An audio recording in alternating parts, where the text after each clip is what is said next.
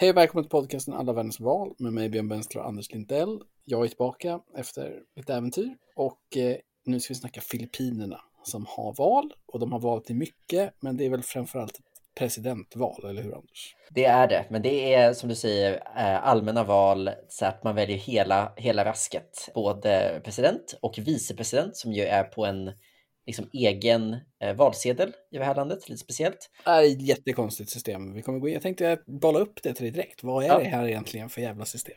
Jo, men det är ett, det är ett politiskt system som har liksom, man kan säga två extremt eh, spännande liksom, detaljer som liksom ställer till en hel del för dem. Eh, och den första kan man säga är då det här med att man har, man väljer alltså president och vicepresident på samma dag, men på två olika valsedlar och det är liksom två parallella valrörelser.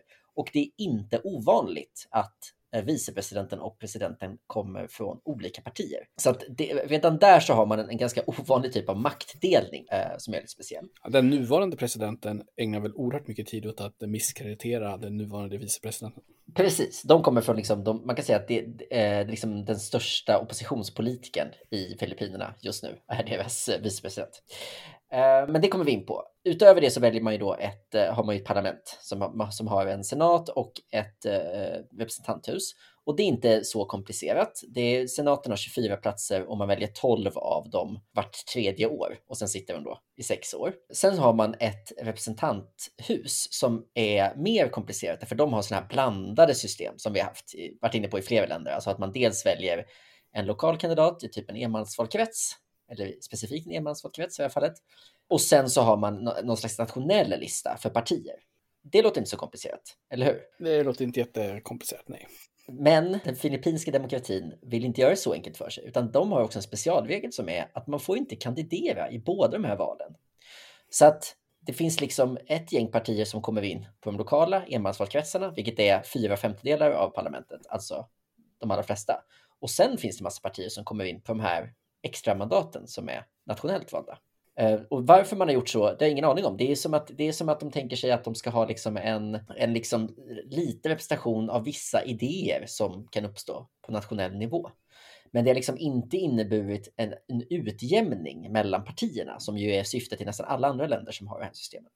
Utan tvärtom har det inneburit en extrem fragmentisering. Och jag tror, Björn, att vi har ett världsrekord här i antalet partier i ett parlament.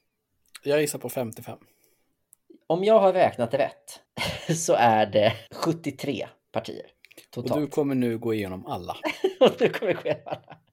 Eh, nej, vi kommer hålla oss till, eh, till några få. Men det är alltså något liksom, eh, vansinnigt hur många man har valt att, eh, att få in här. Och 41 av dem har alltså bara en enda stol i parlamentet. Och det är företrädesvis inte de här lokala enmansvalkretspartierna, utan snarare då de här nationella, nationellt invalda partierna eh, som är extremt små. Liksom. Det största av dem är liksom ett antikorruptionsparti som fick 10 procent. Men de är liksom inte makt, eh, det är inte maktspelarna här, utan maktspelarna är de stora partierna med, med en tydlig bas på, på lokal nivå. Ja, men eh, om man har så här många partier, då är det ju ofta troligtvis så att det är inte där det, som de viktiga besluten tas. Och så är det mm. ju inte i Filippinerna, utan det, systemet är ju väldigt starkt exekutivt och presidentiellt. Ja. Och presidenten har extremt mycket makt. Och det är ju inspirerat av det amerikanska arvet.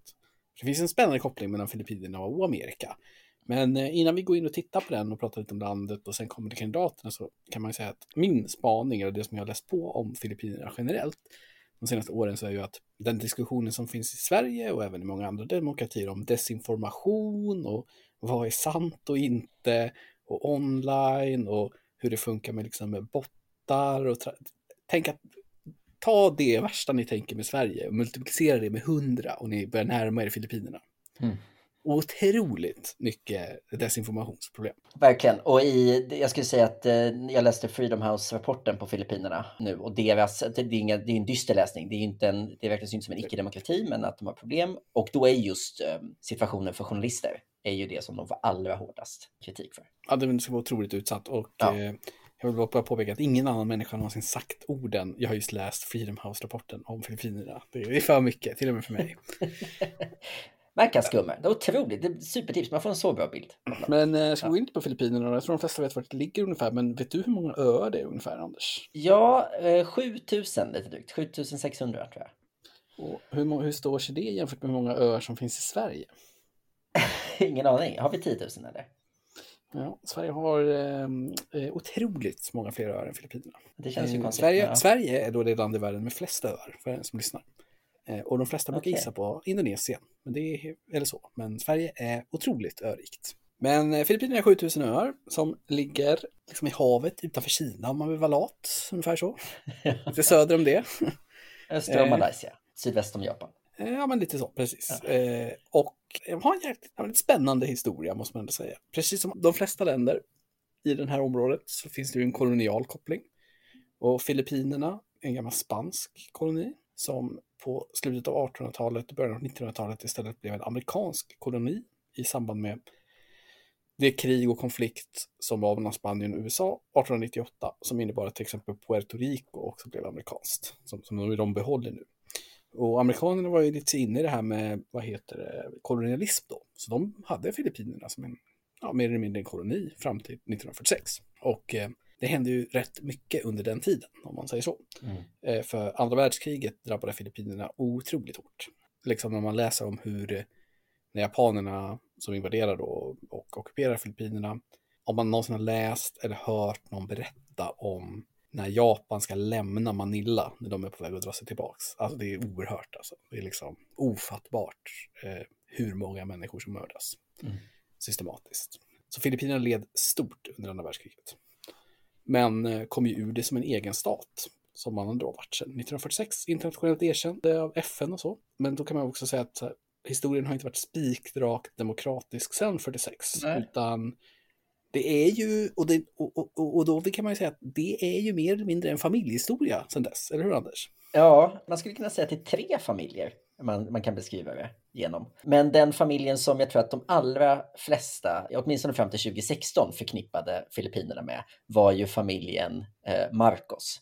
Där ju liksom en eh, politiker som hette Ferdinand Marcos som var liksom en del av ett av de stora eh, partierna, eh, nationalistpartiet på Filippinerna, liksom steg i graderna och blev president och sen en allt mer hårdför president. Och han är ju liksom känd som en av de mest vad ska man säga, extrema diktatorerna i världen. Kanske inte nödvändigtvis Oj, nu jävlar gick det långt här. Ja. Nej, men jag kommer till varför han är så, det som han är känd för är inte att Filippinerna skulle vara så mycket mer demok, liksom diktator, alltså slutet eller liksom en så hårdare styre nödvändigtvis. Men det som familjen Marcos blev kända över var ju liksom att de levde i sån extrem lyx och att de liksom plundrade Filippinerna själva. Liksom.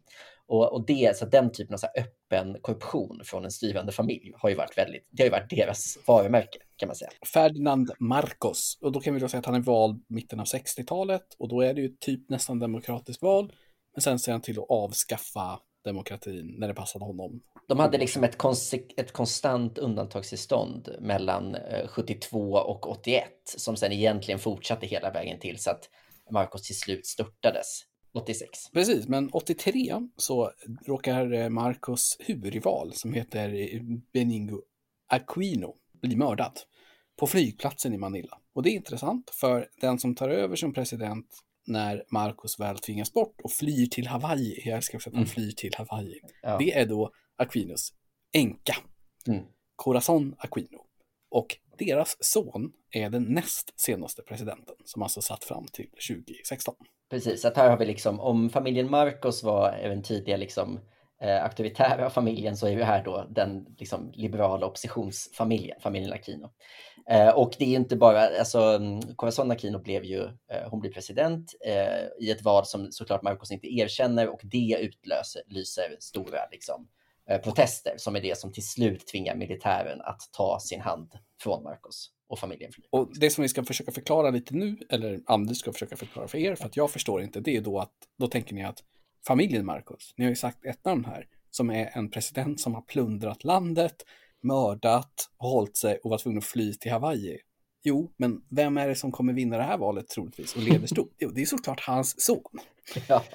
givetvis. ja. Så där är familjen. Men då ska vi ta den tredje familjen också då. 86 när den här revolutionen sker, det var, det var en fredlig revolution får man säga, men, men där eh, Marcos Ja, det är inte, det är inte världens mest kända revolution, men det är Nej. liksom, eh, Men den, den, men den, den är ju väldigt, det är en viktig liksom, del av Filippinernas historieskrivning. Ja, man liksom slöt upp bakom eh, Corazon Aquino och fick sin första demokratiska president på eh, 30 år. Typ.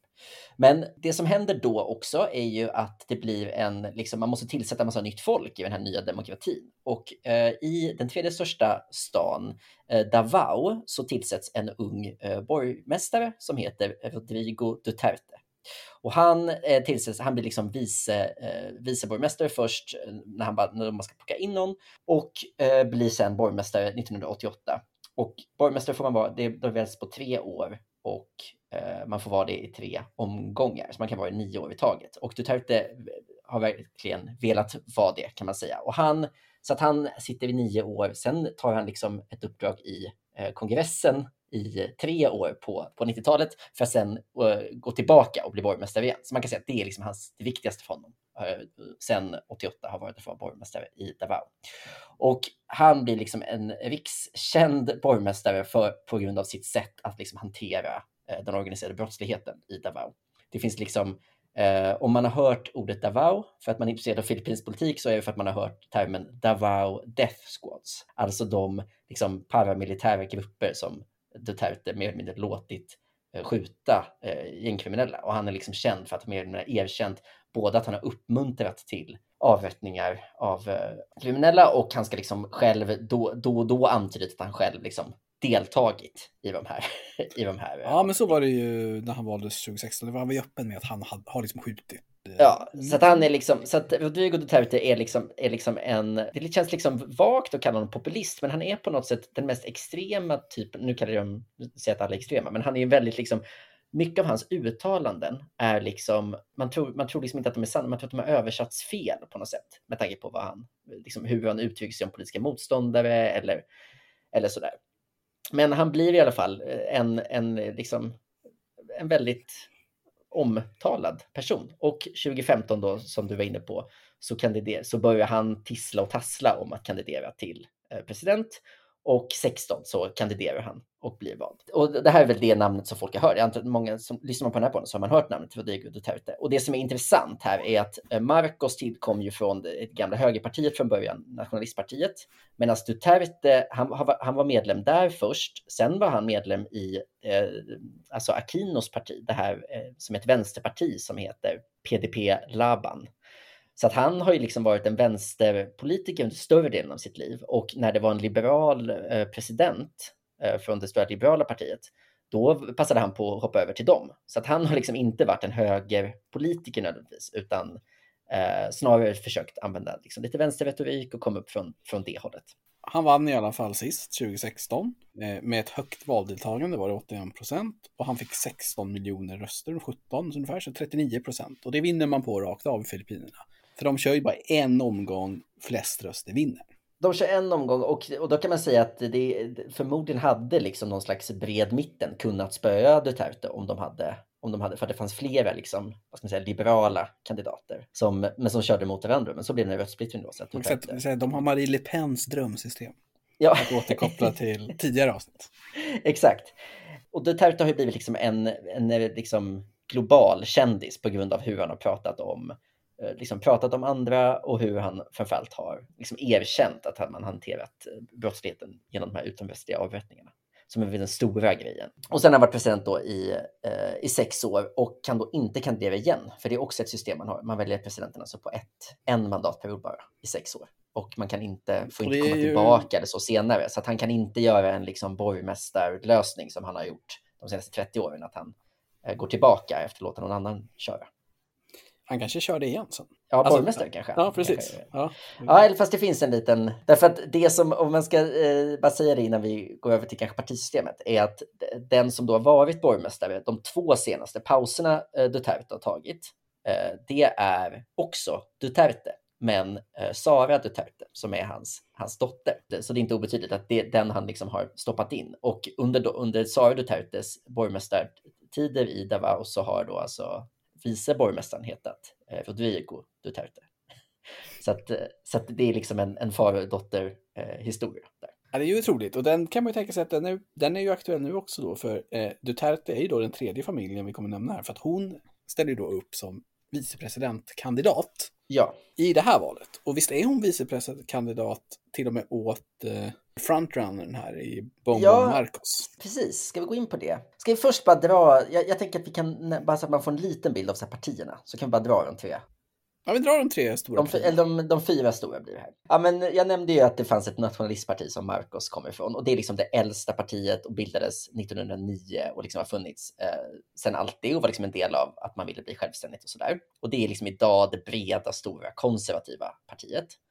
Eh, det finns också en utsplittring från det som också är ganska stort, eh, men som bara verkar varit som startades av en av Marcos liksom, favoritoligarker 92, eh, men som är en utsplittring och som liksom ska ha egentligen driver samma, samma sak. De har ungefär 15 procent var, de här två partierna, Eh, och de liksom är det konservativa blocket kan man säga.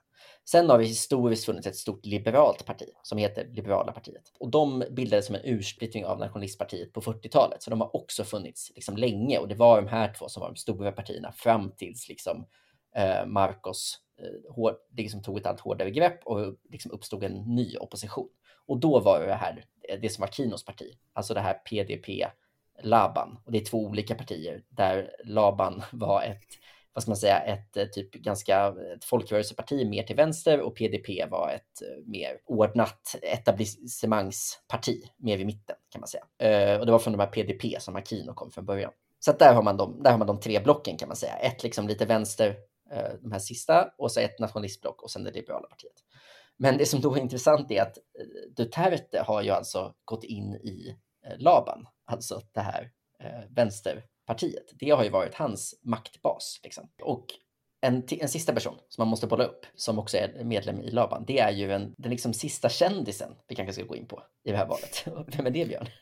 Den sista kändisen, nej men alltså, det finns ju en kändis till som vi kommer nämna och det är Manny Pacquiao. Ja, exakt. Och det är honom jag tänker på. Som Ja. ju alltså är känd för att han är en av eh, världens genom tiderna bästa boxare, får man väl säga. Jag kan inte, boxning är så jävla komplicerat. Jag tror att det är att ta i och säga det, men jag vet, vågar inte. Men jag, om jag förstår hans grej, det som gör honom så bra, det är att han har vunnit i massa viktklasser och har blivit världsmästare. Och han har varit över lång tid. Så han, liksom, han har varit en person som har varit en stor, en stor boxningsprofil under, under många år. Ja, Liksom. men skulle du säga att han är större än Ingo? Vad, vet, vad vet jag? Men han, han, är inte, han, var inte, han har inte varit tungviktsboxare. Utan en Men han ställer ju upp för ett annat parti i det här Exakt, och det här är då lite, det blir överkurs. Men Manny Pacquiao gick in i politiken 2010 och har varit aktiv i det här Laban-partiet. Men han är väl Alltså- typ eh, kändaste idrottaren i Filippinerna kan man säga. Det är väl lite som att eh, Zlatan skulle köra ett... Ja, det är det absolut. Han är ju absolut en av deras eh, största, liksom, största profiler. Och varit en enorm, liksom, han har också hållit på med massa sociala projekt och varit liksom en person som har velat vara en del av filippinsk liksom, offentlighet. Så att det är inte bara att han gör det här, utan han vet, spelat i olika filmer, har varit, breddat sitt varumärke som entertainer kan man säga. Någon gång så kommer någon bjuda in dig i ett sammanhang där du får prata om din favoritgrej, vilket ju är idrottare som har blivit politiker. Ja, det, det är kul. men, Men men, inte det här forumet. Inte det här, precis. Vi ska gå vidare från det. Men det som är, apropå det vi sa med att det är ett annat parti, så kan man säga att Pacquiao har ju då varit, han har varit med i det här breda vänsterpartiet, PDP-Laban, och blev så sent som 2019 partiledare för det här, alltså ett av landets absolut största partier som ju alltså har presidentposten för att man stöttar Duterte. Men Pacquiao har liksom uttalat sig kritiskt mot Duterte, vilket gjorde att Duterte höll anordnade ett möte där man valde en ny partiledare för Laban. Så löste han det problemet. Så att vem som styr det här partiet, som ju alltså just nu är det största partiet i Filippinernas parlament, det är liksom omtvistat. Så att det finns liksom ingen, det finns ingen riktig enighet i partiet om vem som egentligen bestämmer. Och partiet har splittrats i då två, i en pro-Duterte och en kontra Duterte-falang. Eh, och Duterte tycker väl inte att det är så jättefarligt, utan han har startat ett nytt parti som han har som sin, sin nya maktbas, liksom, som ju då är jättelitet. Men eh, det gör att det blir ännu lite svårare att förstå lojaliteterna här. Att, att det största partiet då helt enkelt har två kandidater till, till det här eh, presidentvalet. Ja, men det spelar inte så stor roll eftersom personen är inte lika viktiga som, eller så här, partierna är inte lika viktiga som personerna och eh, familjerna och sådär. Men ska vi gå in på huvudkandidaten då? Eller Det han vi. som leder stort, som då, som he, han heter ju inte det, men han kallas ju för Bong Bong Marcos. Ja, hans riktiga namn är ju Ferdinand Marcos Junior. Så att eh, det är ingen, det görs ingen eh, hemlighet om vem, vem Men han han, är. Men Bong Bong är han, namnet han går under. Ja. Och det här är då en man som inte som leder stort eh, och som då inte har gått, varit med i en enda debatt har jag förstått det som. Stämmer det? Ja, så, så förstår jag också. Nej men som jag förstår det så, de som inte gillar honom säger ju att det är han och hans rörelse som är drivande i desinformationsrörelsen. Mm. Där man jobbar väldigt mycket med liksom, online-kommunikation eh, med liksom YouTube framförallt. Han är en känd YouTuber i Filippinerna. Där man liksom målar upp hans fars tid som en, liksom inte alls, inte alls det den var kanske, utan mer en golden era som man säger.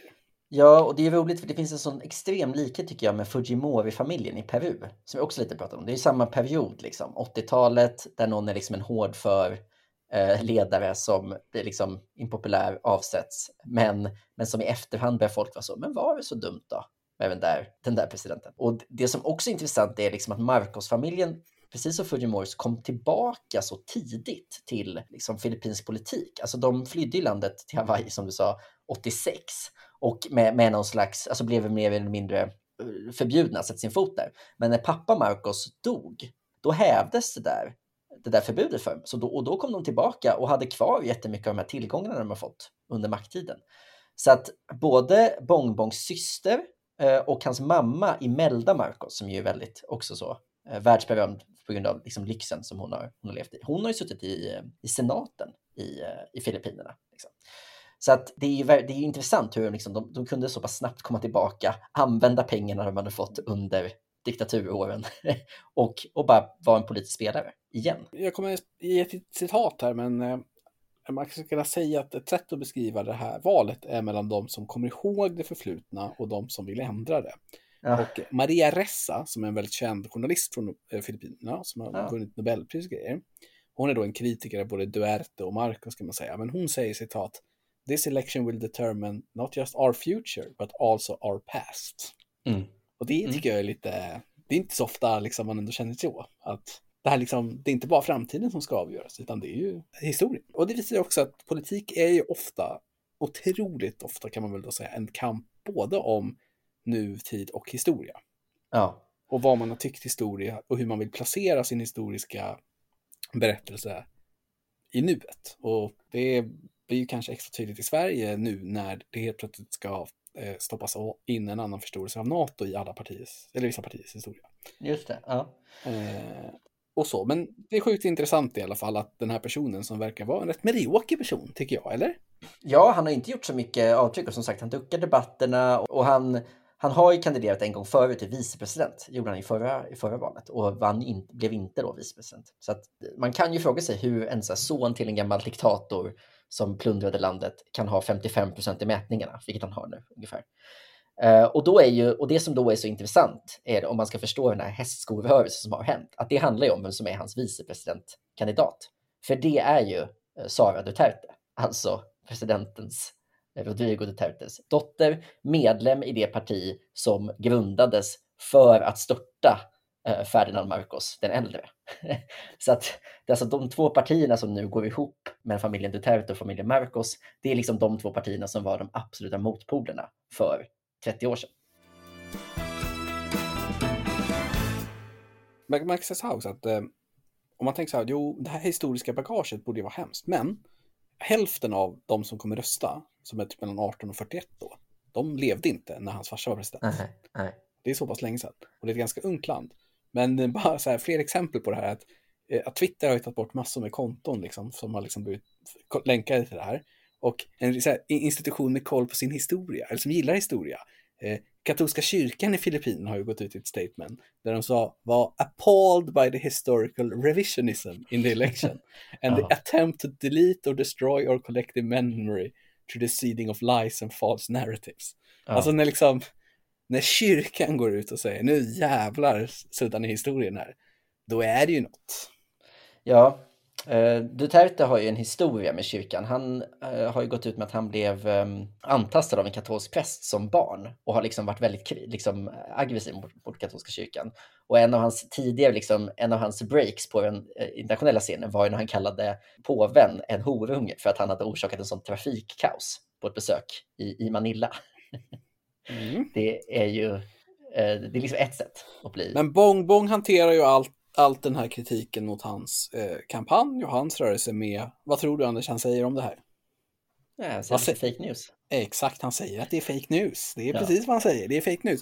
Men vad som han inte tycker är fake news, det är attackerna han gör på sin huvudmotståndare. Som, eh, mm. Och man ska inte ta ställning i sådana här grejer, vi är objektiva i den här podden aldrig. Och så, ja. så, så. Men eh, jag hade ju röstat på Leni Robredo om jag fick chansen. Hon känns ju otroligt mycket bättre. Men, Men vad tror du att Bongbongs kampanjmaskin framförallt anklagar henne för? det, det jag läst om henne är ju att hon får kritik för att hon typ är för, för mild. Det har varit mycket liksom. Ah, vad tror du? Så här, en, tänk så här, 2016 vann Duerte. Bongbong ja. är liksom, det är Trump som sätter tonen, det är fake news. Så vad ja. anklagar man sig sina motståndare för då? Givetvis ja, att hon givet. fuskade i valet 2016 när Just hon det. vann Bongbong i vicepresidentvalet. Just det. Det är mycket fokus på då att förklara varför det var fusk, för att han fick stryk mot henne. Så det var en hoax liksom. Så att det är liksom, teman från andra ställen går i kapp. Men eh, vad har du då på Leni då? Som har liksom en lite av en rörelse bakom sig då, måste man säga. Ja, och, och som ju då dramatiskt vann vicepresidentposten i det här, och det här kommer tillbaka till det här märkliga systemet att vicepresidenten och presidenten kan få olika partier, för de var ju då från de diametralt olika partierna. Duterte då eh, Eh, som ju visserligen till slut fick stöd från det gamla demokratipartiet eh, som står lite till vänster, men som ju är den, den han är. Och sen Leni Robredo som ju är från det liberala partiet och som gick, som gick till val på kanske så, eh, vi ska ha bättre liksom, bostadssituation för fattiga kvinnor. Alltså det var liksom en radikalt annorlunda plattform. Hon blir president, eh, eller vicepresident och Duterte liksom börjar med att liksom i, i, negligerar en hel del. Sen erbjuder han henne en position som i, i eh, kabinettet också, som bostadsminister. Men den, den kommer också med en, eh, en ny information om att hon inte kommer få delta i regeringssammanträdena. Så då hoppar hon av den, den positionen. Och hon har liksom flertalet gånger eh, varnat FN för situationen i, i Filippinerna och bett om hjälp. Och fick sen senare under, apropå du sa att presidenterna misskrediterar sin vicepresident, så fick hon också en roll i eh, liksom, arbetet mot, mot droger som ju är ett stort och legitimt problem i Filippinerna. Men som också, som Duterte sen tog ifrån henne efter 19 dagar. Så man kan säga att hon har haft en liksom, riktigt eh, men hon måste ha haft sex ganska pissiga år bakom sig som vicepresident, men satsar nu ändå på att bli. Ja, hon har ju en ganska stor rörelse, men framförallt unga kvinnor bakom sig. De, mm. Och hon kör ju utan parti. Hon är independent. Och de kör rosa som färg. Mm. Så, och, så att hon har liksom, som jag förstår det, en ganska engagerad stor mängd eh, volontärer. Och när man läser intervjuer med dem, eller vad som sägs i liksom internationell press, så är det mycket så här, ja, det figurerar ju mycket falska nyheter om henne. Vi kan inte göra så mycket åt det nu, men jag önskar vi kunde ha gjort det tidigare. Ja. Eh, så hon anklagas ju för allt möjligt, men hon verkar vara en ganska så seriös politiker ändå. Alltså, liksom ganska tydlig social agenda, eh, kvinnofrågor, eh, liksom, alltså så här, hon känns verkligen olik sina mot, sin motståndare. Men ligger förankrad på typ 20 procent i opinionen, så att hon är extremt långt från. Hon fick 25, ligger på 25 procent senast mätningen. Mm. Och då ligger Marcos på 58 procent, så det är ju extremt stor skillnad. Och dessvärre för så är ju Marcos då superpopulär hos de yngre väljarna. Även hon, det är liksom typ bara yngre, liksom yngre män gillar honom. Mm. Så han, eh, alltså det, han leder jättestort, så att eh, han kommer ju vinna det här. Det är inget snack. Och Sara Duerte, Duterte leder lika stort i vicepresidentvalet. Ja. Så liksom, vissa val som vi täcker i den här podden är ju liksom nagelbitare. Eller oförutsägbara, lex ja. Bulgarien. Eller omöjliga som i Peru.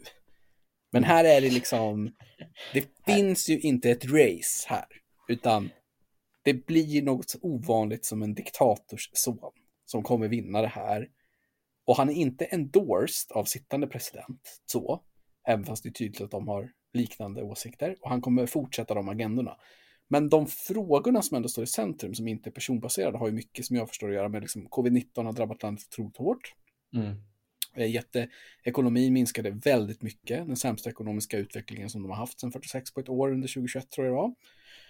Och man har väldigt mycket liksom ojämlikhet, man har utländska relationer med Kina och USA som är svåra och liksom, det är väldigt mycket utmaningar.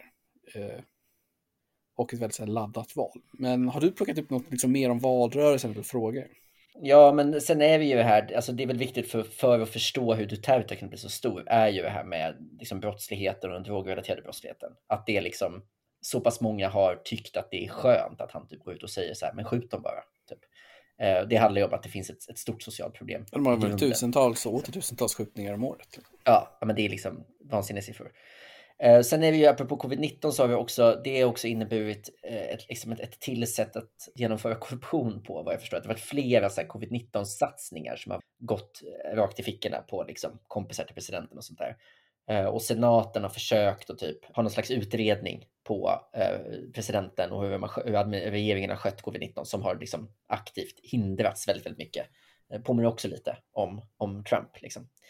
Sen så finns det en sak som, som jag alltid tycker är kul. Det är ju när det är så här konstitutionella frågor på agendan. Och där kan man säga att när Duterte kandiderade 2015 så var det redan då på typ ett löfte att han skulle avskaffa kongressen.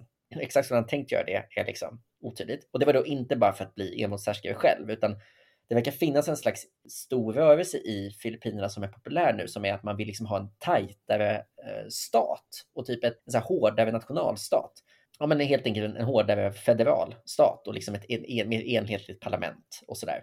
Eh, och det nya partiet som eh, Duterte har startat heter ju Federala partiet. Typ. Så att där finns det också en liten, eh, en liten bubblarfråga. Liksom. Och sen ska vi säga att även om inte, kopplingen mellan Duterte och Marcos, om de blir liksom president och vicepresident så blir det en helt annan dynamik än det har varit nu. För då är ju de på typ samma lag. Ja, precis. Och då öppnar det upp för att hon kan köra sen. För att Eh, det var ju tydligen så att det var oklart vad hon skulle köra för. Ja, precis. Och det var lite oväntat att hon valde att köra vicepresident istället för president och det är då han har byggt sin stora ledning. Exakt, de höll på med någon slags, eh, det var precis som det var 2015 så höll pappa och dotter Duterte liksom på lite i media och var så här, men vi, någon av oss kanske kör. För det var också ett stort rykte att, att Rodrigo Duterte skulle bli vicepresidentkandidat istället. Eh, alltså en sån, för att liksom vara kvar vid makten.